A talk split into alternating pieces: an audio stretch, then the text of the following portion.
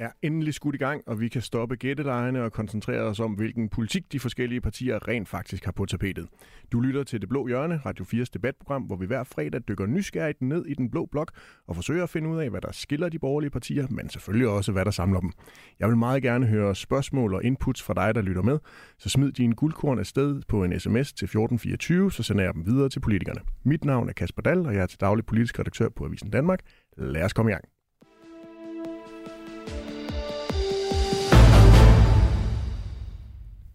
Jeg har samlet et øh, stærkt panel, og i denne uge der bliver der rigtig herværelsesstemning. Rasmus Jarlov, velkommen til. Tak. Du er blandt andet øh, finansordfører og næstformand i den konservative folketingsgruppe. Det er rigtigt. Din øh, formand, Søren Pape Poulsen, han har slet ikke fantasi til at forestille sig en bred regering hen over midten. Er du lige så fantasiløs som øh, din formand? Fuldstændig. Uh, det vil være dysfunktionelt, fordi uh, partierne vil være uenige om et meget centralt spørgsmål, nemlig hvem der skulle være statsminister. Det vil også være øh, det helt forkerte svar på magtfuldkommenhed. Øh, jeg er fuldstændig uforstående over for radikales øh, argument om, at man vil få en mindre magtfuld regering, hvis øh, den bliver bredere. Den vil blive stærkere, oppositionen vil blive svagere, øh, der vil være færre, der kunne holde regeringen i ørerne, øh, og der vil ikke være noget reelt alternativ til regeringen, og derved vil den blive øh, meget mere øh, magtfuldkommen end den regering, vi har i forvejen. Øhm, og derfor synes jeg, det er den stik forkerte vej at gå. Det er meget vigtigt, at der er en stærk opposition. Det er det eneste, der kan holde øh, en regering til ansvar. Og det vil man ikke have med sådan en, men, en samlingsregering. Men Rasmus Jarlov, er det ikke en anelse magtfuldkommen bare afviste allerede nærmest før det er fremsat som, øh, som et forslag fra statsministeren? Øhm, nej, det synes jeg ikke, det er. Øh, jeg synes, det er øh, et spørgsmål om, øh, om man tror på det system, vi har i Danmark, hvor vi har en regering og en opposition. Jeg mener faktisk, det tjener formål, at der er en opposition. Jeg mener ikke, at øh, der skal være en bred konsensus og en regering, som ikke bliver udfordret. Og jeg ved heller ikke, hvad det er for et problem, man forsøger at løse, fordi øh, normalt vil man kalde til en samlingsregering, hvis det var, at man ikke kunne regere landet, at man ikke kunne få vedtaget en finanslov, eller man ikke kunne få vedtaget et forsvarsforlig, eller noget andet centralt. Men øh, Socialdemokratiet render jo selv rundt i øjeblikket med store annoncer, hvor de tager æren for alle de mange brede aftaler, som oppositionen har indgået med regeringen. Øh, hvilket jo netop viser, at der er ikke nogen problemer med at få politik igennem. Der er ikke nogen problemer for det arbejdende folkestyre med at vedtage øh, meget brede aftaler. Øh, og derfor er det svært at se egentlig, hvad det er for et problem, jeg forsøger at løse her. Vi skal også byde velkommen til Lars Bøje Mathisen. Tak for det. Du har jo et øh, væld af ordførerskaber i øh, Nyborgerlige, blandt andet øh, finans og ligestilling. Du er også en af de mest øh, markante politikere på sociale medier. På Facebook der kan vi se, at du søger hjælp til at sætte øh, valgplakater op. Hvordan vinder man egentlig i øh, Nyborgerligs optik valg i 2022? Er det på gaden, eller er det på sociale medier? Mm, det er begge steder. Det øh, jeg tror, det er med at, at sige, hvad man mener, og så, øh, og så være, prøve at være synlig i debatten. Øh, jeg ved ikke, jeg har ikke sådan nogen overordnet strategi for det, hvordan man vinder et valg. Jeg tror bare, jeg passer mit arbejde og gør, som jeg altid har gjort. Morten Dahlin, indfødsretsordfører i Venstre. Velkommen til. Tak skal du have. Øhm, Lars Lykke, din tidligere partiformand, mm. han bliver ros til skyerne efter sin optræden i partilederdebatten forleden. Hvad, du kender ham jo. Hvad er det, der sker med Lars Lykke, når han kommer i det der valgkampsmode? Oh, ja, det er et godt spørgsmål, men jeg er da enig i rosen. Altså, jeg synes, at uh, Lars han er en fremragende uh, debattør, og han er jo også åbenlyst en, en dygtig politiker. Så roses den, der roses bør. Han gjorde det, øh, han gjorde det godt i, øh, i, øh, i debatten. Det, det er jeg faktisk enig i. Er der dage, hvor du sådan tænker, jeg savner ham som venstreformand, når han er så god? Nej, altså jeg synes, vi har den rigtige formand øh, for Venstre. Vi har vores øh, statsministerkandidat, som vi synes skal stå i spidsen for en, øh, for en borgerlig-liberal øh, regering. Og, og det hele den der diskussion om regering over midten, altså i Venstre vil vi meget gerne samarbejde bredt i Folketinget. Det har vi både gjort, når vi selv sad i regering. Det har vi faktisk også gjort, når vi sad i opposition men vi vil ikke gå i regering med, med Mette Frederiksen. Og det er der flere årsager til. Altså, vi kan ikke stå inden for hendes magtfuldkommende ledelsesstil. Vi er ikke enige, politisk enige i hendes lyst til at bestemme over danskerne, og så er vi meget bekymrede for hendes uansvarlige økonomiske øh, politik. Og derfor vil vi gerne samarbejde bredt, men vi kommer ikke til at indgå en regering med Mette Frederiksen. Og således fik både Venstre og Konservative aflivet den her øh, brede regering. Lad os endelig skynde os at gå videre i øh, dagens program, hvor vi virkelig skal pære rundt i de borgerlige partier.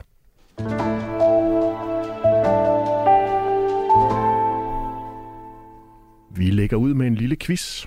Rasmus Jarlov, en ny undersøgelse viser, at kun 26 procent af befolkningen i et bestemt land har tillid til politikere i al almindelighed. Hvilket land tror du, den her undersøgelse er lavet i? Åh, oh, det må være Rusland. Øh, nej, det ved jeg jo. Det er selvfølgelig lavet i Danmark.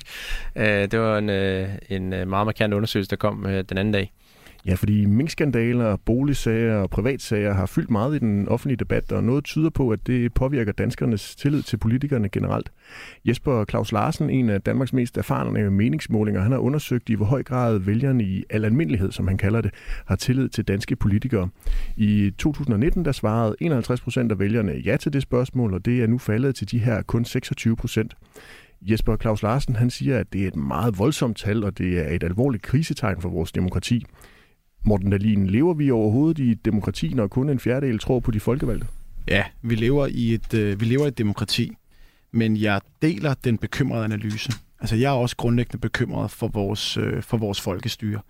Fordi vi i de sager, vi har oplevet under den nuværende regering, er helt inde og røre ved kernen i folkestyret, demokratiet og, øh, og retsstaten. Vi er inde og røre ved troværdigheden til nogle af de samfundsbærende øh, institutioner – vi er inde og røre ved det simple faktum, at vi har en statsminister, der har brudt loven, og ikke engang fortryder det, ikke engang vil indrømme øh, fejlene, ikke vil tage en konsekvens af det. Og jeg kan godt forstå, der sidder en masse mennesker rundt omkring i Danmark, og bliver grundlæggende frustreret på folkestyret demokratiets vejen, fordi de oplever, at hvis de gør noget galt, ja, så er der ikke nogen undskyldning. De kan ikke sige, at de ikke kendte reglerne, de ikke havde læst skiltet, eller de ikke havde læst lovgivning. De får en bøde, eller en straf, eller en konsekvens. Men, Morten, men når hende, der er på øverst men på samfundspyramiden, hun gør det, Morten så er der ikke de samme konsekvenser. Morten Dahlin, det er jo altid meget nemt at give skylden på øh, de andre, de røde. Bærer de blå borgerlige politikere ikke en del af, af ansvaret for øh, det her kraftige øh, dyk i øh, tilliden? Jeg tror ikke, der er nogen politikere, heller ikke mig selv, heller ikke Blå Blok samlet, der kan se sig fri for at puste til, øh, til politikerleden. Altså det, det tror jeg, vi alle sammen kan. Øh, nu, nu indledte du med sociale medier, og sociale medier er jo fantastisk, fordi man kommer i dialog med en masse mennesker, men det kan også være med til at skærpe debatten på en måde, der ikke altid er konstruktiv. Så ja, vi har også et ansvar, men jeg må bare blive nødt til at sige, at man har en statsminister, der bryder loven, ulovligt udsletter et helt erhverv, og ikke tager nogen konsekvens af det bagefter. Det gør altså noget ved et samfund. Og må jeg ikke bringe øh, et, en anekdote på banen her? Kun kort. Ja, efter jeg Især havde den handler om de røde. Ja, nej, men efter jeg havde været inde og se, øh, se Tour de France i, øh, i sommer i, øh, i Roskilde, det var en fantastisk oplevelse. Det var det værd at få det til Danmark. Havde det kostet tak. det dobbelte, var tak. det også det værd. Rasmus var jo en af flere ja. erhvervsminister, der blandt andet havde arbejdet øh, for det. Så sidder jeg øh, på, øh, på torvet i Roskilde og får en, en øl sammen med nogle venner. Så kommer der en mand hen og prikker mig på skulderen og siger, Morten, genkendt mig. Og så siger han, nu må I sørge for at få smidt hende der med det Frederiksen i fængsel. Og jeg prøver selvfølgelig at forklare mig og sige, at vi kan ikke bare smide folk i fængsel, der skal være en retter, så jeg synes ikke bare, vi skal rende rundt og, og smide vores politiske modstandere i fængsel. Og så tænkte jeg, at han måske var en eller anden bøgetosse, du ved, der bare kigger var sur og mavesur. Så gik jeg faktisk i dialog med den her mand. Snakkede med ham. Han var politimand gennem 25 år. Han levede af at smide røver og forbrydere i fængsel. Han vidste godt, hvordan systemet fungerede. Og han var simpelthen så frustreret over, at når han fangede nogen, nederst i fødekæden i bander og så videre, som var blevet bedt om at gøre noget af andre, som måske ikke kunne overskue konsekvensen af det, de gjorde, så blev de mødt med en konsekvens i det danske samfund. Men statsministeren ikke gjorde det. Og bare lige for at pointere, jeg gav ham ikke ret at sige, at Frederiksen skulle i fængsel, men jeg siger bare, når vi er der, hvor politimænd, der godt kender loven, bliver så frustreret, så rykker det der ved noget fundamentalt i vores folkestyre. Det bliver vi altså nødt til at tage alvorligt. Morten Dahlin har allerede nu brugt øh, verdens tålmodighed på anekdoter, der handler om øh, Mette Frederiksen. Lars Bøge Mathisen, lad os lige komme tilbage til det her, der handler om øh, tillid og tillid til politikerne fra de danskere, der nu skal ud og sætte kryds øh, hos jer. 26 procent af danskerne har, har kun tillid til jer. Hvad, er det ikke et demokrati, der er i krise, der går til valg nu? Jo, jeg tror, det er et øh, produkt af, af, af samfundet. Så jeg tror, i, i takt med, at folk i stigende grad bliver klientliggjort og afhængiggjort af staten, jamen øh, så bliver de også i større grad øh, skuffet og mister tillid, når den stat og de politikere, som står i spidsen for den, så ikke leverer. Og det ser vi jo, der er mange mennesker, når de kommer i kontakt med det offentlige, med staten på alt muligt, jamen så bliver de skuffet over, over at det ikke er de forventninger, de har til det, de får. Og det tror jeg, det planter sig i, at så skal de jo bebrejde de politikere, som så står for det system, som de bliver skuffet af. Så jeg tror, man skal, man skal lidt op i helikopteren og se det der på. Det tror jeg, det er, er hovedårsagen til, hvor, hvorfor vi ser den udvikling, som vi gør. Øh, og det gør jo også, at, at løsningerne øh, ligger lige for. Og det gør jo, at politikerne skal bestemme mindre. De skal lade være med at moralisere og have trang til at adfærregulere øh, borgerne så meget. Og så tror jeg også, at øh, det er også en fordel, hvis de stopper med at lyve og manipulere. Og det sidste, som jeg så, og, og vi spiller ind med Nyborg til det her valgkamp, det er, at vi vil gerne indføre en form for kontraktpolitik igen. Øh, for at opre, øh, for at genopbygge den her tillid, så, øh, så, så borgerne derude ved, okay, det her, det går man til valg på. Lige efter valget, så siger man, det her, det er, hvad vi vil gennemføre. Og det kan I så holde os op på. Så, til, så tilbage til kontraktpolitikken? Ja, jamen det, det synes jeg, det var en måde, det er en måde at genskabe, øh, genskabe tilliden til, fordi lige nu, som det er nu, jamen så bliver der lovet en masse ting, og efter valget, så er, er folk jo ligeglade. Det kan man jo se på den politik, som der er blevet ført. Altså, øh, 9 ud af 10 indkomstgrupper er blevet fattigere grundet den her regeringspolitik. De gik til valg på, at 95 procent af borgerne ikke vil mærke øh, skattestigninger. Øh, de sagde, at uligheden skulle mindskes. Uligheden Lars Bøge Mathisen, nu er du igen inde og øh, knægte et af de her øh, principper, vi arbejder med i det blå hjørne. Jeg vil simpelthen ikke høre på jeres øh, øh forudsigelige kritik af øh, de røde. I stedet for, så sender jeg den tilbage til Rasmus det var, fordi mit første, det var fordi mit første punkt var, at ja. du skulle stoppe med at lyve manipulere. Men, ja, men, ja, men, så vil jeg gerne lige fortælle en med ja, Du skal heller ikke komme nogen anekdoter. Uh, Rasmus Jarlov, Lars Bøge Mathisen, han foreslår øh, kontraktpolitik. Øh, de, radikale, øh, de konservative har jo fremlagt en, øh, en ganske konkret øh, 2030-plan, som vi skal diskutere lidt senere i, øh, i det blå hjørne. Øhm, kan vælgerne regne med, at øh, den bliver gennemført, hvis Søren Pape Poulsen han bliver statsminister, og det på den måde er den gamle klassiske kontraktpolitik, øh, vi kender fra Anders Foghs øh, tid? Ej, det kan jeg jo ikke love, fordi øh, jeg, jeg tror ikke, vi får 90 mandater i det konservative folkeparti. Men det har øh, Anders Fogh jo heller ikke. Det være dejligt, men jeg tror det ikke. Øh, så hvis man skal lave kontraktpolitik, så skal man jo have et flertal, øh, som man binder fast.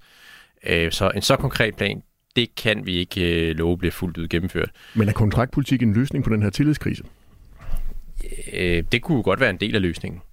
At man øh, går klart ud og siger, hvad man vil gøre, og øh, man så også gennemfører det. Man skal bare tænke sig rigtig godt om som parti, fordi man skal netop passe på, når nu vi ved, at øh, alle scenarier øh, siger, at der vil være flere partier, der skal bestemme kursen, så skal man passe på, at man ikke går ud og bliver alt for ultimativ. Og så kan det hurtigt blive rigtig svært for Blå Blok, hvis øh, nye borgerlige går ud og siger øh, ultimative ting om skattepolitik, og Danmarksdemokraterne og Dansk Folkeparti siger nogle ultimative ting om skattepolitik, som går i en anden retning, så kan det hurtigt blive rigtig svært at skaffe flertal. Så altså, får alle til at tænke sig godt om, øh, før man laver for mange øh, sådan, øh, kontrakter, som hvis, er hvis jeg lige må klarificere, fordi det, det, det giver Rasmus fuldstændig ret i. Altså det, som vi siger nye borgerlige, det som vi opfordrer til, det er jo netop, at der skal dannes en flertalsregering. Og det er den flertalsregering, altså med alle de blå partier, som skal gå ud med den her kontraktpolitik, er jo måske lave en 100-dages plan for, hvad det er, man vil gennemføre. Jeg mener ikke, at hver parti skal gå ud med det, men jeg mener, at der har været et valg, så skal de partier, som kan danne sig et flertal, dem som også er parlamentarisk grundlag, det er måske ikke alle, der er med i regeringen, men så skal de sætte sig ned, og så skal de lave et forpligtende om det så er, er forståelse på partier eller regeringsgrundlag, kald det hvad du vil, men det skal være forpligtende, så borgerne rent faktisk kan måle op på, hvad når de, og hvornår når de de her ting. Det er ikke det enkelte parti, ja, okay. men det er det flertal, der sidder der. Og det synes jeg er en god idé, øh, fordi jeg synes jo også i virkeligheden, det lyder sådan meget sådan øh, stereotyp borgerligt, men, men nogle gange så kunne man godt tænke sig, at øh, regeringen fungerede lidt mere som en virksomhed, hvor man opstillede nogle konkrete mål, som man så også rent faktisk gerne vil holde sig op på. Altså for eksempel vi vil love, at øh, vi vil øge arbejdsudbuddet i Danmark. Vi vil love, at skattetrykket skal øh, falde. Vi vil love at bruge flere penge på forsvar. Så nogle meget konkrete mål burde man sætte op. Øh, og så også øh, KPI-regering. Øh, ja, det, det var jo det ord, som jeg forsøgte at undgå, for det ikke skulle lyde alt for CBS-agtigt. Men, men jeg synes faktisk, det var en god idé, at man øh, på den måde opstillede en klar kurs, fordi det vil også tvinge regeringen til at træffe nogle øh, beslutninger, ikke bare fra sag til sag, men have nogle overordnede sigtelinjer for, hvad for en vej man gerne vil bevæge samfundet. Et regelloft for eksempel forpligter os til, at der skal være færre regler i Danmark, ville være et fantastisk mål for en borgerlig regering. Og KPI i politisk sammenhæng, det vil så være konservativ P det var faktisk stram kurs sidst, og så Liberal Alliance, så skal vi ikke KPI-delen, det må være, det må være erhvervsterminologien. Fordi... Godt kalde det KVI, hvis, det, hvis, hvis det hjælper noget, men så tror jeg, Lars Bøje vil føle sig udenfor. Morten, Morten jeg har stået fuldstændig af. Morten Dahlin, øh, en KPI-regering, er det noget, du kunne se dig selv være minister i, og så selvfølgelig med Jacob Ellemann som statsminister, forestiller mig? Jamen, jeg synes, at det er nogle, øh, nogle rigtig spændende tanker, øh, der er, både fra, fra Lars Bøje og fra, fra Rasmus Jarlov i forhold til, og, øh, og, og fremsætte nogle meget klare målsætninger, som man så også rent faktisk, øh, som man rent faktisk rykker på. Og, og jeg synes ikke, det er helt dumt, altså også at have den bagvedliggende analyse, som jeg kan høre, der ligger i det, Lars Borg siger, at en del af det, som danskerne jo også står af på, jamen det er, at der er en oplevelse af en masse brudte løfter. Øh, og, og derfor tror jeg egentlig, at ikke at det er helt dumt tænkt, at hvis man så sætter nogle, jeg tror også, at man skal være ærlig og sige nogle færre og meget konkrete målsætninger op, så man så til gengæld er sikker på, uanset hvilken kreds af partier der er, der skal sidde den regering og parlamentarisk grundlag, at man så når derhen, og man er enige om den retning. Det, det synes jeg faktisk ikke er en dum idé. Og så kan vælgerne ikke bagefter komme efter jer og sige, at de ikke nåede det, I sagde, I ville øh, før valget, og på den måde et løftebrud. Nej, men det, helt ærligt, det handler også om forventningsafstemning. Øh, altså hvis, man, hvis alle partier, hvor mange er vi, der er op til nu 14 stykker, mm-hmm. øh, lægger en 100-punktsplan frem og siger, at det her det er ultimativt for mig og for os at få igennem, så ved man jo, at man kommer til at skuffe nogen. Og derfor ideen om, at når der forhåbentlig kommer et arbejdende borgerligt flertal efter øh, valget, at man så sætter nogle meget konkrete få målsætninger på de enkelte områder, der siger, at det her det er det, vi skal opnå. Øh, at det er den her retning, vi skal trække samfundet i. Det tror jeg sådan set er... Jamen det som sagt, det, det, det synes jeg ikke er dumt tænkt. Karl han har sendt en uh, sms ind til os på uh, øh, 1424. Han skriver, God formiddag, min tillid til politikerne har også taget et hak af to grunde. For det første er jeg træt af professionelle politikere i den forstand, at de følger et talekort fra deres rådgiver. Og for det andet er jeg træt af skandaler, bliver politiseret og dækket over især i perioden fra 19 til 22. Og må, må, jeg, må jeg ikke svare på det? Fordi må jeg ikke sige en ting? Øh, jeg har hørt det. Jeg har helt sikkert også selv kommet til at gøre det mod mine politiske modstandere, og det har været en del af problemet det der med at antyde, at alt, hvad politikere siger, det er udtænkt af rådgiver. Jeg tror, der er en overvurdering af, hvor mange rådgiver helt almindelige øh, folketingsmedlemmer har. Selvfølgelig har øh, partitopperne øh, en rådgivningsstab rundt omkring sig, men som helt almindelig folketingsmedlem er man altså ikke omgivet af rådgivere. Man har lidt sekretærbistand, man har måske en akademisk medarbejder, man deler med en kollega, der kan hjælpe en med noget af det praktiske arbejde i hverdagen. Men altså, mit bud vil være, at for 90 procent af folketingsmedlemmerne, så den kommunikation, de har udad til, det er altså noget, de primært selv øh, har, har fundet på. Jeg kan selvfølgelig tage fejl i, hvordan det fungerer i andre partier, men, men det er helt ærligt sådan, det er i Venstre. Så det er i hvert fald ikke presserådgiverne, der er skyld i den her tillidskrise, og at jeres Nej, troværdighed daler ned? Hvis jeg lige må ja, det er også selv. Hvis jeg lige må, må komme ind, fordi så Michael han har også sendt en, øh, en sms ind på 1424, øh, han kommer med en, øh, en opfordring til de borgerlige. Han siger, at øh, de borgerlige nedkæmper Mette Frederiksens selvfede magtfuldkommenhed og de manglende konsekvenser af Mink-sagen.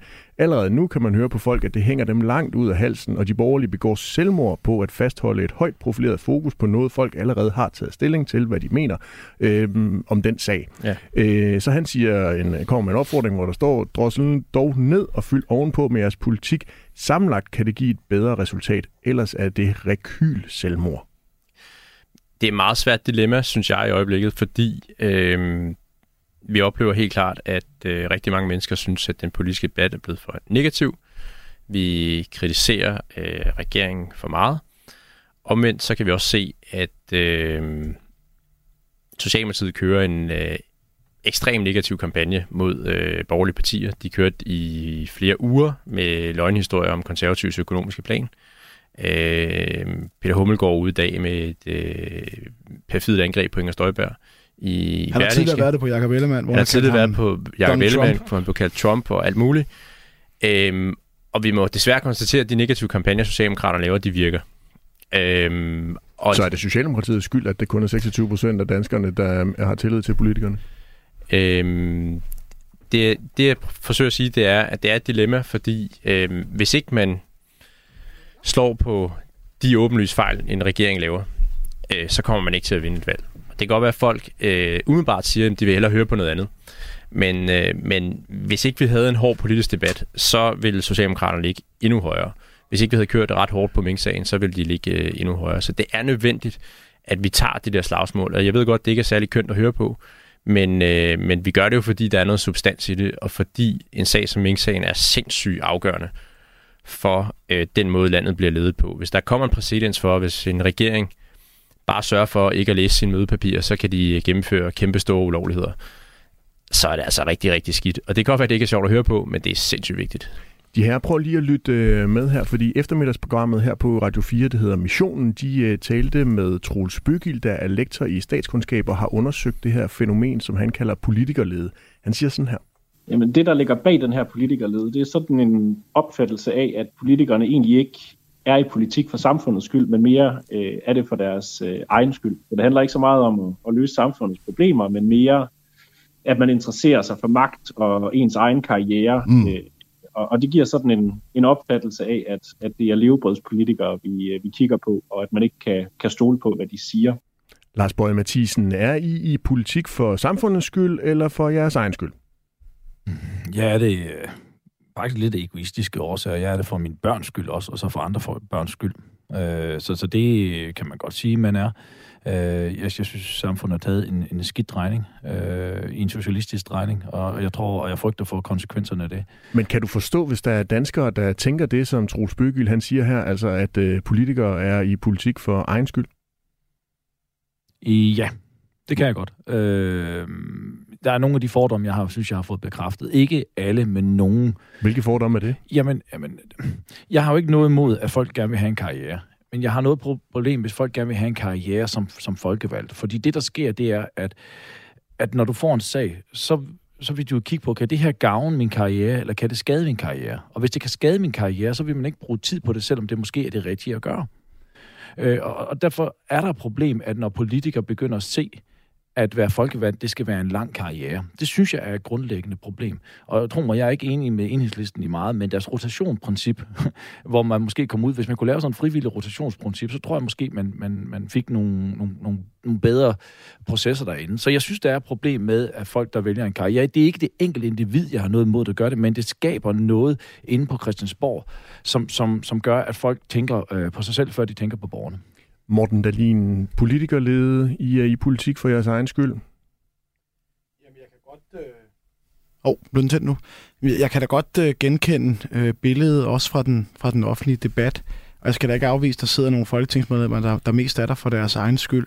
Men jeg må også bare sige, at jeg tror, en ret væsentlig erkendelse, hvis man skal have en ordentlig demokratisk samtale, det er også, at den, man står overfor, og som man muligvis er uenig med, øh, jo ikke har de synspunkter, vedkommende har, fordi de ønsker at ødelægge Danmark eller gøre verden til et dårligere sted. De har dem faktisk, fordi de mener, at det er den rigtige politik at føre.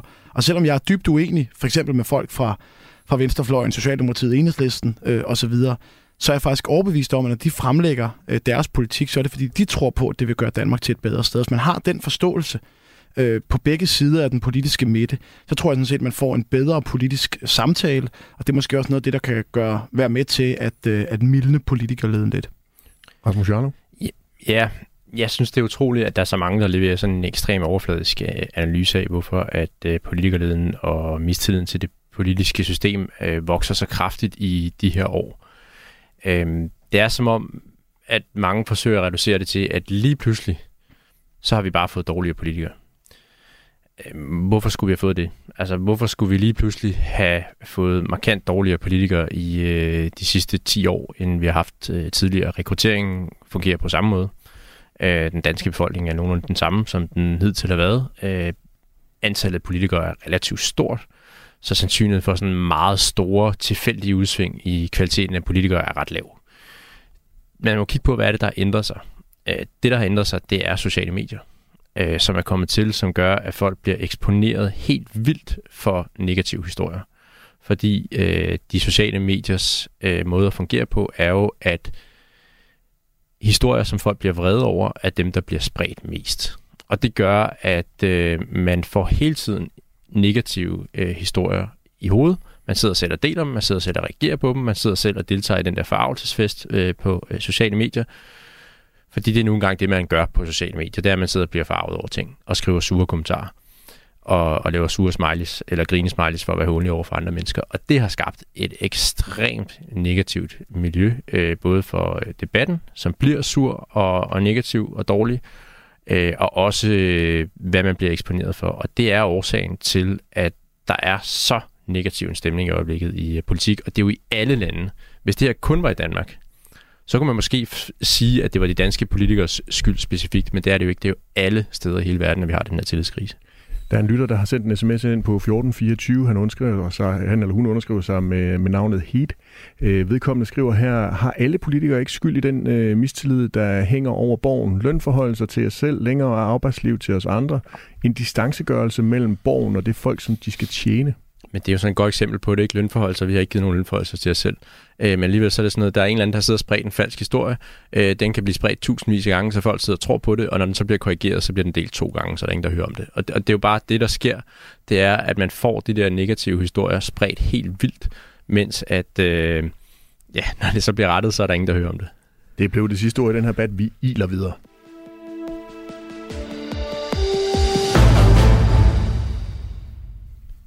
Du lytter til Det Blå Hjørne, Radio 4's politiske debatprogram, hvor jeg med mig i studiet i dag har Lars Bøje Mathisen fra Nye Borgerlige, Morten Dalin fra Venstre og de konservatives Rasmus Jarlov. På venstrefløjen, der går de små grønne partier sammen for at optimere chancerne for at komme i Folketinget, og statsministeren taler om klima i sin åbningstale, men hvilke ambitioner har de blå partier egentlig for det grønne? Rasmus Jarlov, konservative har jo den grønne farve. Ja. Men hvor vigtigt er klimaet egentlig for jer? Det er vigtigt. Øh, det at være konservativ handler om at bevare, og der er ikke noget, der er mere vigtigt at bevare end et øh, sundt klima og en god natur på kloden. Så det er mm. sindssygt vigtigt. Men Rasmus Jarlov, da Søren Pape Poulsen, din partiformand, bliver spurgt om vigtige områder af Avisen Danmark, så nævner han ikke øh, klimaet. Nå, det, det har jeg ikke læst det interview, men, men det er i hvert fald øh, et, en vigtig sag for os, øh, og jeg synes også, at øh, det bør være vigtigt for hele den blå, blå blok. Øh, jeg synes egentlig også, at det har været lidt absurd at se, at øh, og det, det, må, det er jo vores egen skyld, det må være dårlig kommunikation, men at vi ikke har formået at kommunikere mere til folk, at det er noget, vi går op i. Når vi har siddet forhandlet hele den her valgperiode, så har det altså ikke været Venstre og Konservative, som har været de sorte partier i, øh, i forhandlingslokalet. Det har ofte været Socialdemokratiet. Øh, og jeg vil ønske, at vi øh, kunne lave noget, ligesom man har gjort i Københavns Kommune, hvor man har gået sammen med de røde partier, og så lavet noget, der var mere grønt, og øh, fik sat skatten ned, øh, uden om, øh, om Socialdemokratiet i, i midten, som sidder modstander begge dele. Her med en opfordring til enhedslisten på Christiansborg. Øh, Rasmus Jarlov, bare ganske hurtigt. Øh, Venstres formand Jakob Ellemann, han siger, at klimaet er vores generations vigtigste emne. Er du enig i det? Øhm, ja, lige nu er der jo noget, der presser rigtig meget på, også nede i Ukraine, øh, og der er en inflation, men, men ja, det er øh, sindssygt afgørende. Altså, øh, det, det er næsten ikke til at holde ud og læse øh, de klimarapporter, der kommer, og se på, hvordan øh, gletsjer smelter, og hvordan vi står over for økologiske katastrofer rundt omkring på kloden. Så ja, jeg synes, det er helt vildt vigtigt. Lars Bøge Mathisen, i sommerferien der fik du hug for et øh, opslag på Twitter med et billede af vejrudsigten, der dengang sagde 30 grader, og dertil så skrev du så, klimaalarmisterne, se verden går under. Lars Bøge, kolon, rolig nu, tag en kølig pils og gå ned på, med badebukserne i, på stranden, øh, antager jeg, du, øh, du mente. Lars Bøge Mathisen, skal man stemme på dig, hvis man er ligeglad med klimaforandringerne? Mm, nej, det skal, ja, prøv at høre det. Når jeg skriver, som jeg gjorde, så er det fordi, at de her klima, klimaalarmister, de har en, en tilbøjelighed til at sammenligne vejr med klima. Og, og fire dages øh, vejr og varmt vejr er ikke klima. Øh, 30 års gennemsnit af vejr er klima. Øh, og, og det er derfor, jeg skriver, som jeg gør, fordi at mange bruger de her øh, øh, enkeltbegivenheder til at prøve på at, øh, at opsætte sådan en dommedagsretorik omkring klimaet. Øh, klimaet forandrer sig. Det har det altid gjort. Nu sidder jeg jo i Aarhus her. Altså, hvis vi går 10-12 år, 1000 år tilbage igen, så lå der øh, ja, måske halvanden kilometer is her. Havene har hævet sig 125 meter. Øh, og, og den forandring foregår stadigvæk, og mennesker har også en påvirkning på den måde, som klimaet gør. Det vi ikke skal hoppe i, det er at hoppe i den her klassiske Greta Thunberg-retorik, øh, hvor der er dommedag. Og, og, og det er det, der jeg synes, der går galt, og det er det, vi skræmmer børn med og unge mennesker med i dag. Der er udfordringer, og de udfordringer skal løses, men det handler om at træffe de rigtige politiske beslutninger og for at løse de problemer. Hvis man læser FN's klimarapport, ikke kun de 35 sider, som er blevet politisk forhandlet, men de rent faktisk de 4.000 sider, og de, dem som videnskabsfolkene de har lavet, så, så kommer de jo heller ikke med den her dommedagsscenarie. Og det synes jeg, at politikken i lang højere grad faktisk skal afspejle, hvad det er, som videnskabsfolkene de taler om. Morten Dahlin, Venstre vil jo gerne brande sig på at være grønne, og dit parti har lige præsenteret en grøn 2030-plan mm-hmm. øh, på et pressemøde her til, til formiddag. Tidligere der har din øh, partifælle og folketingskandidat for Venstre, Marianne Lynghøj, øh, gået viralt, fordi hun har lavet en plakat, hvor der stod, klimaet er for vigtigt til at overlade det til venstrefløjen. Mener du sådan helt alvorligt, at I gør mere for klimaet end øh, venstrefløjens partier? Ja, jeg mener, at vores klimapolitik er den bedste, både for Danmark, for verden og, øh, og for klimaet. Og nu nævner du selv, at vi lige her til formiddag, det var heldigt, før vi skulle at diskutere øh, klima her. Selvom jeg kan give æren til Radio 4, så, så, så er det heldigt, at vi nåede det inden. Har fremlagt en meget, meget ambitiøs, meget, meget grøn øh, plan for, hvordan vi får investeret på nogle af de steder, hvor det er allervigtigst, hvis vi skal sætte turbo på den grønne omstilling. Fordi det her, det er vigtigt. Og det er det ikke kun for vores generation. Det er det også for den fremtidige generation. Og vi bliver nødt til at tage klimahandling, og vi bliver nødt til at gøre det konstruktivt, bliver nødt til at gøre det seriøst. Og det skal vi gøre for os selv, men det skal vi også gøre for de fremtidige generationer. Og derfor har Venstre nu fremlagt en meget, meget konkret plan, hvor vi finder en masse finansiering til at investere i nogle af de ting, vi synes er væsentligst i forhold til at nedbringe øh, niveauet af udledning og sikre en, øh, en grøn fremtid. Og jeg vil anbefale alle at læse planen, og jeg tænker også, du spørger mig ind til den lige om lidt, så jeg får mulighed for at uddybe. Det kommer jeg nemlig til at gøre, fordi øh, nu sagde du, at de fandt en masse finansiering. Ja, det gør I jo blandt andet ved at sælge Ørsted, det tidligere, og Dong. Det er jo et af de store øh, finansieringskilder til jeres... Det er ikke helt rigtigt. Vi frasælger den statslige del af Ørsteds vindmølleforretning. Det er, fuld... det er fordi, vi siger, at vi mener ikke, at den danske stat behøver at eje en virksomhed, der opsætter vindmøller i udlandet den del af Ørsted, der er kritisk infrastruktur, altså for eksempel kraftvarmeværker, dem vil vi gerne øh, beholde på vores egne hænder. Men resten sælger vi, så vi kan få en masse friske milliarder, som vi kan investere i mere natur, renere drikkevand, bedre forskning og også helt konkrete ting, der vil øh, reducere øh, CO2-udledningen i Danmark, som også vil gøre det lettere både for danske virksomheder at investere i grønne løsninger, og som vil gøre det lettere for os danskere i hverdagen at tage nogle af de grønne valg. Altså for eksempel, at man ikke længere skal betale 8.000 kroner i gebyr, når man udskifter sit gasfyr, at vi får en bedre elladestruktur, så det er mere sikkert at købe en, en elbil, så både på den store klinge og i forhold til øh, de hverdagens grønne beslutninger, som lige nu jo også er sat meget på spidsen, ikke kun på grund af klimaet, men også fordi vi gerne vil være fri for Putins gas, bliver både nemmere og billigere. Så det er meget ambitiøst, og jeg er meget stolt af den plan. Rasmus Jarlov, jeg forventer ikke, at du har nået at sætte dig ind i øh, hele Venstres øh, grønne 2030-plan, men Morten Dalin kalder det for friske milliarder ved at sælge Ørsted. Er det nogle friske milliarder, som I konservative også har begyndt at kigge lidt øh, lunt på? Det er i hvert fald ikke en øh, finansieringskilde, som vi øh, er imod. Øh, vi mener heller ikke, at staten skal sidde og, og drive private selskaber, som laver ting, som ikke er... Øh, at betragte som kritisk infrastruktur. Så det synes jeg er et, et rigtig fint forslag fra, fra Venstre. Er Venstre med, den her, med det her udspil ved at overhale jer øh, som dem, der var de allergrønneste på klimadelen? Det vil jeg jo nok ikke mene, men øh, jeg synes, det er godt, at der er en konkurrence mellem øh, Venstre og Konservative om, hvem der har de bedste idéer, øh, og vi hver kommer frem med dem, og så øh, stjæler og kopierer så meget fra hinanden som muligt.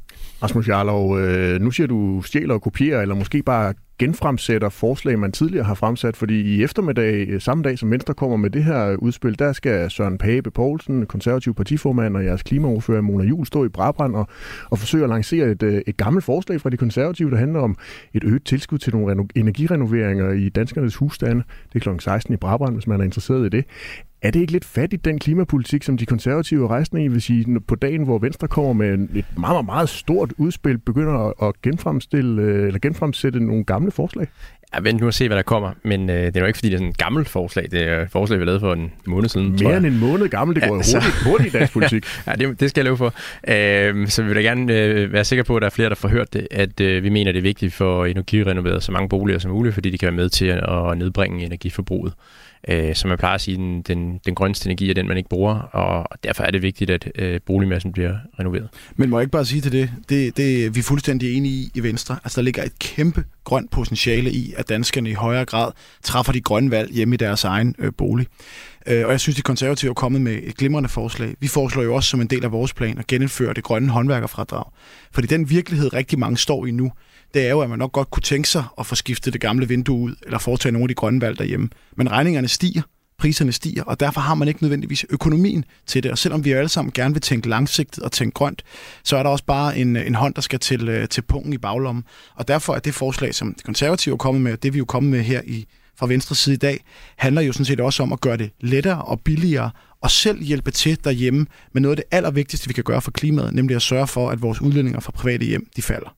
Lars Bøge Mathisen, kan du øh, i dag over for lytterne af det blå hjørne annoncere, at vi også i den her valgkamp kommer til at opleve Nye Borgerlige komme med en, et stort grønt udspil?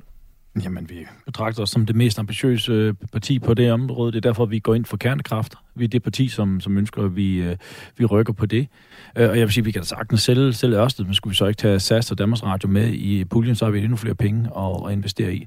Øh, der er ingen grund til at holde, holde sig tilbage derpå, hvis det skal være ting, som, som ikke er nødvendige og ikke er kritisk infrastruktur, så er der ingen grund til, at vi har, vi har SAS og, og vi har Danmarks Radio også kørende. Så, så lad os da bare putte nogle flere penge i, de, i den pulje, øh, og, og så synes jeg, at vi skal tænke på, det helt centrale i det her, det er, at det ikke bliver forceret. Øh, når vi ser stigende priser også nu, man skal huske på, at de her elpriser, de var stigende inden Putin gik ind i Rusland. Inflationen var stigende inden Putin gik ind i Rusland. Og det er på baggrund af en forfejlet energipolitik, som er blevet ført på øh, feel, feel i maven og ikke på rationalitet. Altså, nu snakker man så meget om, at det skal være vindmøller og solceller. Jeg må bare sige sådan, altså 100 vindmøller, der ikke drejer rundt, fordi vinden blæser, så hjælper det ikke noget at sætte 200 vindmøller op, for de blæser stadig ikke. Og derfor har vi brug for en stabil baseline og baseload, der ligger nede under det her. Og der kan vi godt blive ved med kulkraft, men vi vil meget hellere rykke over på kernekraft, som så er CO2-neutral i stedet for. Og, og jeg, jeg synes, og jeg håber, det er der det, vi, vi, vi vil byde ind med, at man skal stoppe med den her teknologiforskrækkelse, og så rykke ned den her vej. Øh, og, og, og, og så siger man, at det kan man ikke nå. Jamen prøv at høre, man, man vil lave en energiø, som står så færdig måske i 2032, 33, 34. Det tager 5 til 8 år, så har du nogle kernekraftværker stående. Øh, så lad os nu gå den vej ned i stedet for. Men vi skal måske lige rydde en misforståelse af vejen her. Fordi kernekraft er en del af den europæiske, og dermed også den danske energiinfrastruktur øh, i dag. Og i Venstre har vi ikke noget mod øh, kernekraft. Øh, FN siger jo sådan set også selv, at det er en del øh, af løsningen på fremtidens klimaudfordringer. Det er, at vi har øh, kernekraft, og derfor kan jeg også sige her i dag, jeg synes, det var en, en fejl, at man i Tyskland øh, valgte at beslutte at, at lukke en masse kernekraft, øh, kernekraftværker. Spørgsmålet er så, om vi skal øh, sætte et nyt atomkraftværk op i Danmark, eller om vi skal satse på den kernekraftinfrastruktur, der allerede er andre steder i Europa. Og der synes vi så det sidste. Jamen, den, den der er der på, på nuværende tidspunkt er tydeligvis ikke nok. For så vil vi ikke stå i det problem, som vi står i. Lars Bøge, inden det her det ender i en stor kernekraftdiskussion, så vil det jeg burde gerne... da, hvis vi skal Ja, snakke seriøst omkring men- klimaet, så bliver vi da nødt til at snakke om kernekraft. Vi kan godt snakke om, at vi skal spise øh, 200 gram kød mere, og vi skal lige lade være med at flyve fra Aarhus til København, men det kommer ikke til at batte noget. Ja, men, men nu vil jeg bare lige sige, at det, der ligger i vores plan, handler ikke om, at man ikke skal flyve eller ikke må spise en hakkebøf. Vi kommer faktisk med et ret øh, Øh, massivt forslag. Hvis vi tager alene økonomisk, så drejer det sig om 60 milliarder kroner. Vi kigger på at udrulle mere fjernvarme. Vi kigger på at afkoble gasfyr. Vi kigger på at gøre det lettere for virksomhederne at foretage de grønne investeringer. Vi, vi udbreder øh, varmepumper. Vi sætter ind i forhold til energirenovering. Også de husstande, hvor det er allersværest. Så vi kigger sådan set bredt i hele sektor. Industri, landbrug, huse, biler. Vi kigger på det hele, fordi det er Men- det, der er nødvendigt. Men Morten Dahlin, øh, Nico har sendt en sms ind til os på 1424. Han skriver, fedt med flere penge til det grønne i Danmark, men når Ørsted er solgt og pengene er brugt, hvad så? Så har vi jo solgt fabrikken, som skal tjene flere penge. Nej, altså det, det vi jo det vi foreslår, det er at sælge, altså, og det er væsentligt at holde fast, ikke? Altså den statslige del af Ørsteds vindmølleforretning, fordi vi siger, Og det er jo den der penge værd. Det er Ja, jo det- den, som der er rigtig mange investorer, sandsynligvis ude i store udland, der gerne vil Præcis. betale for. Og vi bruger så en masse penge på at investere i noget her og nu, fordi vi mener, det er vigtigt at lave klimahandling, ikke om 10, 20, 30 år, men sådan set at gøre det nu. Det mener vi sådan set kan være en rigtig god forretning for Danmark. Men er det ikke at sælge ud af Ah, afsølt? Ah, men, nej, vi får bare to argumenter for, Afsøl. hvorfor det ikke er det. Altså, jeg ved ikke, om danskerne synes, det er øh, arvesøl at eje en forretning, der sætter vindmøller op i udlandet. Den del, der er kritisk infrastruktur, den beholder vi selvfølgelig. Og to årsager til, det er godt. For det første, hvis vi foretager nogle nødvendige grønne investeringer nu, så er det godt for klimaet. Men det er sådan set også godt for de fremtidige indtjeningsmuligheder, fordi det giver dansk erhvervsliv nogle muligheder for at komme først i forhold til at skabe, innovere og opfinde de grønne løsninger, de kan sælge til udlandet. Derudover, så hvis vi bruger nogle af de penge, vi får ind på Ørstedssalget, sådan set på at betale noget statsgæld af, øh, ja, så sparer vi faktisk nogle renteudgifter i fremtiden, som vi så kan bruge på andre grønne investeringer. Og derfor er det med at pumpe penge ind i den grønne omstilling nu, det er både en god investering i forhold til klimaet, og det er det altså også i forhold til økonomien. Men det er der, hvor man lidt, altså, det er rigtigt, Morten, men man, man skal også ikke lade være med at stikke blå i øjnene på folk, fordi hvad vi gør klimamæssigt i Danmark, om vi blev fuldstændig CO2-neutrale i Danmark, så havde det ingen betydning overhovedet for verdens øh, klima. Altså ingen betydning. Vi står for 0,1 procent af den samlede udledning. Og så snakker man, at vi skal være klimaneutrale, men det er jo ikke, fordi vi slet ikke skal udlede CO2. Det er ned til 90 niveau. Altså, vi skal jo ikke, altså, det har ingen betydning. Det, vi, skal, vi kan gøre, det er, at vi bliver gode, og vi forsker, og vi rykker på noget teknologi, som vi kan få de store lande til at indføre. Og de kan, vi kan kun få de store lande til at indføre det her ting, hvis det er rentabelt, og hvis det er produktivt, og de kan gøres for en billig penge. Ellers hopper de ikke på den her, og det er den vej, vi skal gå ned. Men det er faktisk også derfor, der i vores plan ligger altså 7 milliarder kroner ekstra til grøn forskning frem mod 2030.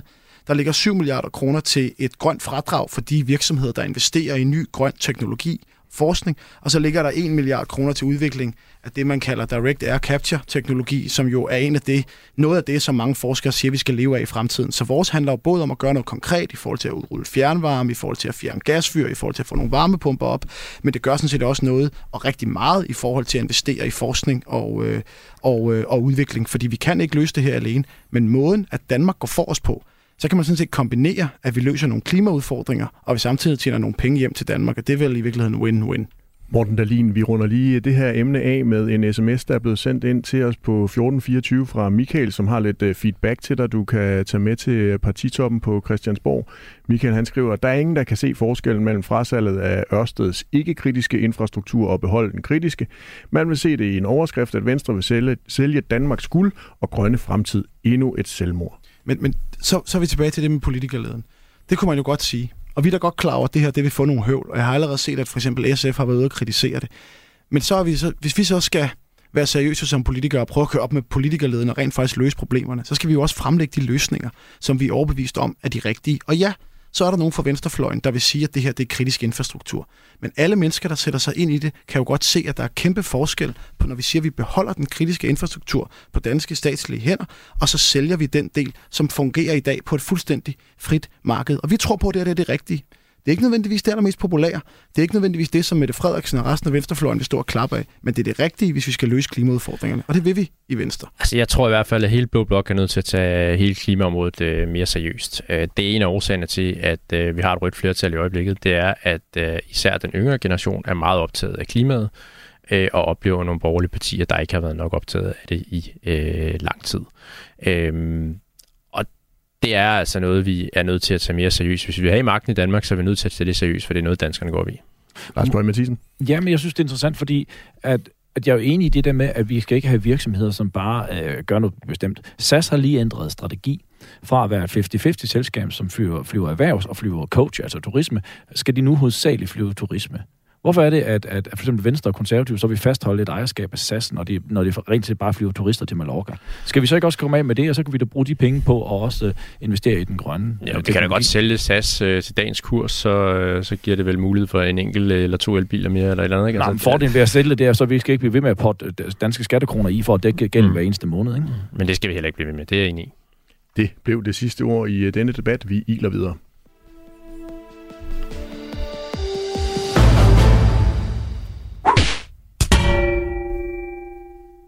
Du lytter til Det Blå Hjørne, Radio 4's borgerlige debatprogram, der hver fredag samler liberalister, konservative og andre borgerlige til at vende tidens vigtigste emner. Nu skal vi til det faste element, de blå mærker.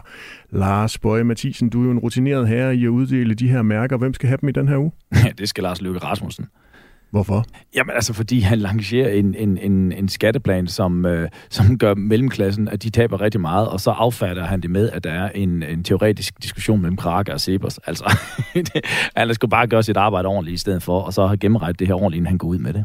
Morten Dahlin, hvem skal have dit blå mærke i den her uge? Altså, hvilken borgerlig politiker eller debattør har lige brug for at stramme lidt op? Uha, altså, den man tugter, elsker man. Nu har jeg lige set på sociale medier, at min private gode ven og tidligere venstremand, men nu øh, kandidat for Moderaterne, Jakob Engel Schmidt, han synes, det er forkert at frasælge den statslige del af Ørsteds vindmølleforretning for at investere i klimaet. Så i al kærlighed og i virkelig venskabelig ånd, så får, så får Jakob mit, øh, mit blå mærke i dag. Rasmus Jarlov, er det også en fra Moderaterne, der skal have dit og de konservatives blå mærke i den her uge? Jamen, undskyld, undskyld, det har ikke været forberedt på, at jeg skulle dele øh, blå mærker til nogen. Det ligger mig meget fjernt, sådan en, en blid og mild person som mig. Og, angribe nogen. Det ved jeg faktisk ikke. Så får øh, du lov til at slippe, men ellers så tænker jeg da måske også, du godt kunne være lidt kritisk over for Moderaterne. Altså... Eller er det jo, en del det er jo, af den nye konservative strategi, man skal altså, det er jo et nemt offer, kan man sige, ikke? fordi de er jo ikke sådan rigtig blå, så man, man slår ikke rigtig på nogen af ens venner ved at slå på Moderaterne. Uh, så det er selvfølgelig det, er det, det oplagte valg.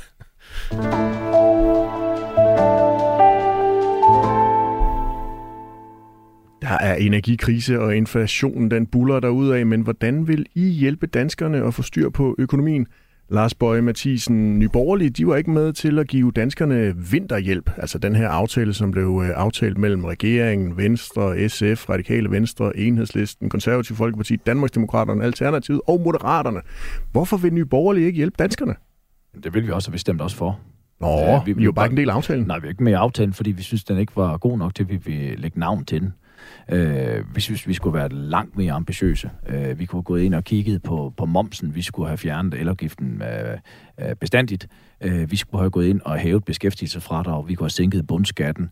Øh, der var en lang række ting, øh, man kunne have gjort, og, og, og vi forsøgte også, at vi fremlagde også et, et gennemregnet øh, øh, hvad hedder det, forslag til det. Men det er jo klart, altså, øh, og jeg vil jo ikke skyde på mine, mine borgerlige venner her, fordi at, at de sidder og forhandler sammen med Socialdemokratiet og Venstrefløjen på den her, så der var ikke så meget, de kunne gøre. Men jeg synes simpelthen ikke, det var godt nok til, at jeg vil gå ud og lægge navn til det. Øh, og jeg synes, øh, jeg vil personligt hellere gå ud til danskerne, og det er det, jeg gør, og sige, prøv at høre, det er det, vi vil give. Og så håber vi jo på, at danskerne nu her, øh, når de skal stemme om, om fire uger, øh, vil hellere gå den vej. Øh, så så, så det, det var noget, vi simpelthen vi synes ikke, det var god nok aftale. Morten Dahlin, du spår jo, at økonomi bliver det vigtigste emne i den her valgkamp, som vi allerede er i fuld gang med. Hvorfor tror du egentlig det? Jamen det tror jeg er to årsager. Øh, for det første, fordi at vi står i en usikker økonomisk øh, tid. Altså på sådan makroplan kan vi se, at der er nogle tal, der begynder at gå i den forkerte retning, og det tror jeg bekymrer mange. Det bekymrer også mig selv. Og så fordi, at rigtig mange øh, danskere oplever at være presset på penge på. Altså der er mange, der har svært ved at få enderne til at mødes. Øh, de stigende øh, priser og regeringens mange skattestigninger har gjort det for dyrt at være dansker, og derfor bliver økonomi, økonomisk troværdighed, økonomisk ansvarlighed og sikkerhed og tryghed om danskernes private økonomi, det bliver et, hvis ikke det allervigtigste øh, tema i det valg, vi står overfor lige nu. Rasmus Jarlov, deler du Morten Dahlins analyse? Ja, det gør jeg, og det har vi også vælgerundersøgelser, der viser, at økonomi er det vigtigste emne for vælgerne ved det her valg med god grund, fordi folk begynder at være rigtig presset over øh, inflationen og meget stigende energiregninger, og det er sindssygt afgørende for øh, danskernes private økonomi. Vi er alle sammen blevet 10% fattigere det sidste år på grund af inflationen, og det ser ud til at fortsætte derudad, og det er jo et kæmpe, kæmpe, kæmpe problem. Og derfor økonomisk ansvarlighed, mådehold, og at man ikke begynder at foretage sig ting, som puster til inflationen, det er det allervigtigste øh, overhovedet. Og øh, og det øh, kræver en strammere finanspolitik end den, vi har nu, øh, hvor vi fortsat kører med meget, meget store udgifter, som er blevet pumpet meget højt op øh, med corona som begrundelse, er der blevet ansat 35.000 i den offentlige sektor de sidste tre år under øh, den røde regering. Og, øh, og det niveau har man så tænkt sig at holde. Øh, og det er jo helt forkert i en, i en tid, hvor at der er brug for, at øh, der kommer mere tryk, eller mindre tryk på, øh, på den økonomiske aktivitet. Og derfor er det også, at vi skal passe lidt på med det der med, at nu kan vi lige øh, sænke afgifterne endnu mere, vi kan sænke momsen, øh, vi skal i hvert fald have finansiering på plads. Altså, om vi vil om nogen sætte, sætte afgifterne ned, men da vi sad og forhandlede vinterhjælp, der sagde vi også, at det kan først ske fra næste år, fordi vi kan ikke begynde her allerede i efteråret at sætte nogle afgifter ned, uden at vi har en realistisk måde at kunne dæmpe det offentlige forbrug på, hvilket man ikke kan gøre fra den ene uge til ja, den anden. Man kræver men, nogle opsigelser osv. Med, med al respekt, det havde altså, det bød vi også ind med. Altså, vi havde fuldt finansieret, netop så det ikke skulle, skulle skubbe til, til inflationen. Så, så bare ligesom tror, vi ikke kom ud med nogle forslag, som, som vil skubbe til inflationen.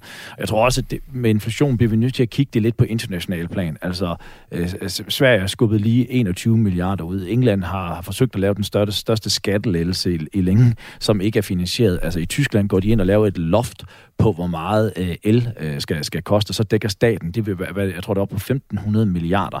Altså, det er jo nogle vanvittige beløb, som de andre stater lige nu poster ud i, som ja. direkte går imod at, at, at skærpe inflationen. Så, så, så jeg tror, at vi kan selvfølgelig gøre noget i Danmark, men så, så længe at man på fra europæisk side uh, handler, som man gør lige nu, jamen, så er vi faktisk på vej ned i, i hullet og ikke opad. Ja, det er vi, og det, det er helt vildt øh, alvorligt. Men, men så meget desto mere vigtigt er det også, at vi tager den kamp om at få øh, den offentlige sektor til at udvise noget modhold. For det vi, vi jo synes er meget forkert, det er, hvis det kun er danskernes private økonomi, der skal bløde, men at det offentlige skal blive ved med at blive kompenseret øh, nærmest krone for krone for ekstra udgifter, ligesom de blev under corona, øh, hvor rigtig mange virksomheder havde kæmpe stort tab, men alle ekstra udgifter i det offentlige blev dækket, og det skal vi simpelthen væk fra. Det må være sådan, at også den offentlige sektor skal bidrage til, når der er øh, knaphed på ressourcer i samfundet. Rasmus Jarlov, øh, Frank han har sendt os en sms på 1424, og bare et hurtigt svar fra dig. Er topskattelettelser ikke at puste til inflationen? Nej, det er det jo ikke, når det er finansieret. Øh, tværtimod, så dæmper det faktisk inflationen, fordi hvis man finansierer topskattelettelser med øh, modhold i det offentlige forbrug, så giver det mindre aktivitet, fordi nogle af de penge, folk får i skatte- eller afgiftslettelser, har det en tendens til at spare op og bruge senere, hvilket dæmper aktiviteten. Så der er jo empirisk belæg for, at øh, skattelettelser giver mindre aktivitet i økonomien, end offentlig forbrug gør. Så den byttehandel, øh, hvor man finansierer krone for krone øh, skattelettelser med offentlig forbrug, det dæmper inflationen. Og der skal vi se, hvis jeg lige må komme ind her, fordi der skal man så se på, at det er jo ret unikt, at en regering fuldstændig ignorerer advarslerne fra Nationalbanken som går ind og siger, at vi skal kort økonomien ned med 26 milliarder. Det synes jeg, når vi så kigger på samtidig de 20 milliarder, op til 20 milliarder, som de regner med fra EU, som de også bare vil poste ud i samfundet, som jo også skaber øget inflation, hvis du ikke modregner det i det offentlige, jamen så står vi med, med, med en katastrofe. Det er ikke unormalt for Vammen. Han har, Vammen er kendt for at køre fuldt ud på kreditkortet, og det gør han også den her gang.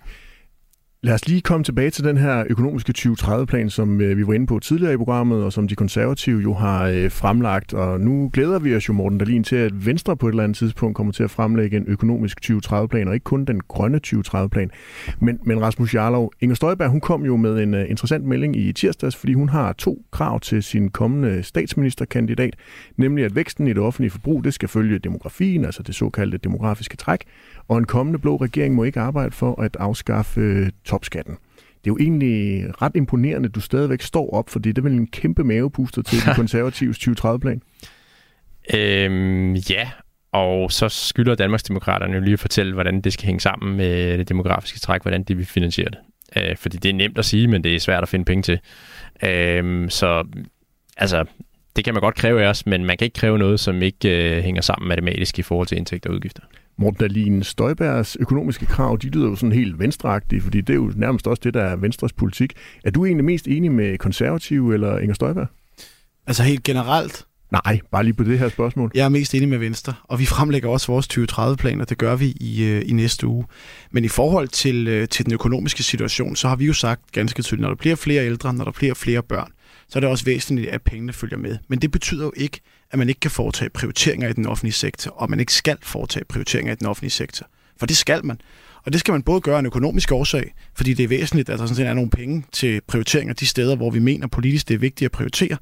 Øh, men jo sådan set også fordi, at man ved at prioritere anderledes nogle steder i den offentlige sektor, kan lave en bedre service.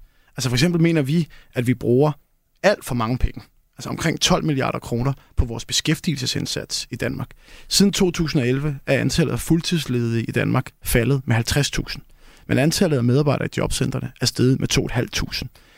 Der tænker jeg, at de fleste, der hører de tal, ser, vil tænke, det der, det kan man gøre bedre, og det der, det kan man gøre billigere. Og derfor er vi ikke mod at foretage omprioriteringer i den offentlige sektor. Men det er også vigtigt for os, at øh, vi kan følge med, når der bliver flere ældre og flere børn, som jo vil betyde flere udgifter. Lars Bøge Mathisen, øh, I var jo ellers så glade for Inger Støjberg i Ny Borgerlige, men hvad synes du om hendes krav til en borgerlig økonomisk politik? Jamen, altså, jeg hører, hun siger, hun vil ikke afskaffe den helt. Hun vil godt sætte grænsen op, øh, hvornår man skal betale, og så kan vi jo starte med at blive enige der. Men jeg synes, både Danmarksdemokraterne og faktisk også Dansk Folkeparti, de har et kæmpe problem, fordi lige nu skyder de til højre og til venstre med udgift, øh, altså, udgiftsforslag, som de ikke finansierer. Altså, hvis du kigger på, på DF, så har de, vil de fastlåse pensionsalderen. De vil give øh, gratis medicin til alle, der har BMB over 30. De skulle give ældre, altså de har, de har givet udgifter ud på omkring 80 milliarder, uden at pege på en eneste form for, for en finansiering af det. Og det skal man altså lade være med, hvis man vil tage tage seriøst i den offentlige debat. Rasmus Jarlov, deler du øh, Morten, øh, Lars, øh, Lars øh, Bøjes øh, oplevelse af de to borgerlige partier, Danmarksdemokraterne og Dansk Folkeparti på den økonomiske politik? Nej, man kan i hvert fald sige, at de partier, som ikke har fremlagt en uh, sammenhængende økonomisk plan, har jo en fordel i den uh, offentlige debat, at de kan tage enkelte forslag ud og så foreslå, at vi foreslår det demografiske træk seriøst, vi foreslår øgede udgifter til sundhed, vi foreslår alt mulige øgede udgifter, uden at man har påvist, hvordan det skal finansieres. Men er det, det, er jo, det er jo relativt men er nemt. Det, men er det ikke et problem for jer, hvis I har nogle såkaldte økonomisk ansvarlige partier, der kommer til at fremlægge øh, økonomiske 2030-planer, og så har I nogen, som bare fyrer penge af? Øh, altså, jeg, har, jeg synes faktisk, at når jeg har lyttet til øh, alle borgerlige partier øh, op til den her valgkamp, så synes jeg faktisk, at alle egentlig har været omhyggelige med at lade være med at formulere sig på en måde, som er uforenligt med, at vi kan lave et øh, fælles øh, regeringsgrundlag. Øh, Inger Støjberg siger, Jamen, hun er ikke enig 100% i konservativs økonomiske plan altså, det er okay. Øh, vi havde heller ikke regnet med, at jeg ville få 100% af vores økonomiske plan gennemført, i og med, at vi ikke ligger til 90 mandater, så det er fint nok, at øh, forskellige partier har forskellige synspunkter i forhold til, øh, til økonomi. Men, øh, men altså, der er jo ikke nogen, der er ude og sige, at hvis ikke I gør præcis sådan her, som vi gerne vil have det, så vil vi ikke, slet ikke have en borgerlig regering. Og derfor synes jeg egentlig, at partierne sådan nogenlunde har, har meldt ud inden for, for rammen af, hvad der, hvad der kan komme til at fungere. Jeg må også bare sige, at jeg oplever en samlet blå blok, som alle sammen prioriterer økonomisk ansvarlighed helt utrolig højt. Hvordan kan du sige det, Morten Dahlin, når vi lige har hørt, at Danmarksdemokraterne lover demografisk træk, og Rasmus Jarlov står og ryster på hovedet, det vil han ikke være med til, og at vi har Dansk Folkeparti, der vil fastlåse pensionsalderen, og det koster et større tocifret øh, milliardbeløb. Men vi er ikke enige om alt, men vi trækker i samme retning. Og økonomisk ansvarlighed er for mig noget, der ligger i det at være borgerlig liberalt DNA. Det er ligesom alfa og omega, det er bread and butter, det er det, man skal have på plads for alt det andet. Og derfor skal danskerne spørge sig selv, når de skal stemme den 1. november, i en usikker økonomisk tid. Hvem tror I mest på leverer økonomisk ansvarlighed? En rød regering eller en blå regering? Det blev det sidste ord i dagens udgave af øh, Det Blå Hjørne. Tusind tak til Lars Bøge Mathisen for at være med. Tak til Morten Dalin for at være med, og tak til Rasmus Jarlov for at være med. Selv tak. Du har øh, lyttet til øh, Det Blå Hjørne, Radio 4's borgerlige debatprogram, der produceres i samarbejde med Avisen Danmark, hvor jeg også har fornøjelsen af at være politisk redaktør. Mit navn er Kasper Dal. Fik du ikke hørt med fra starten, finder du hele dagens program i Radio 4's app. Hent den i App Store eller hos Google Play.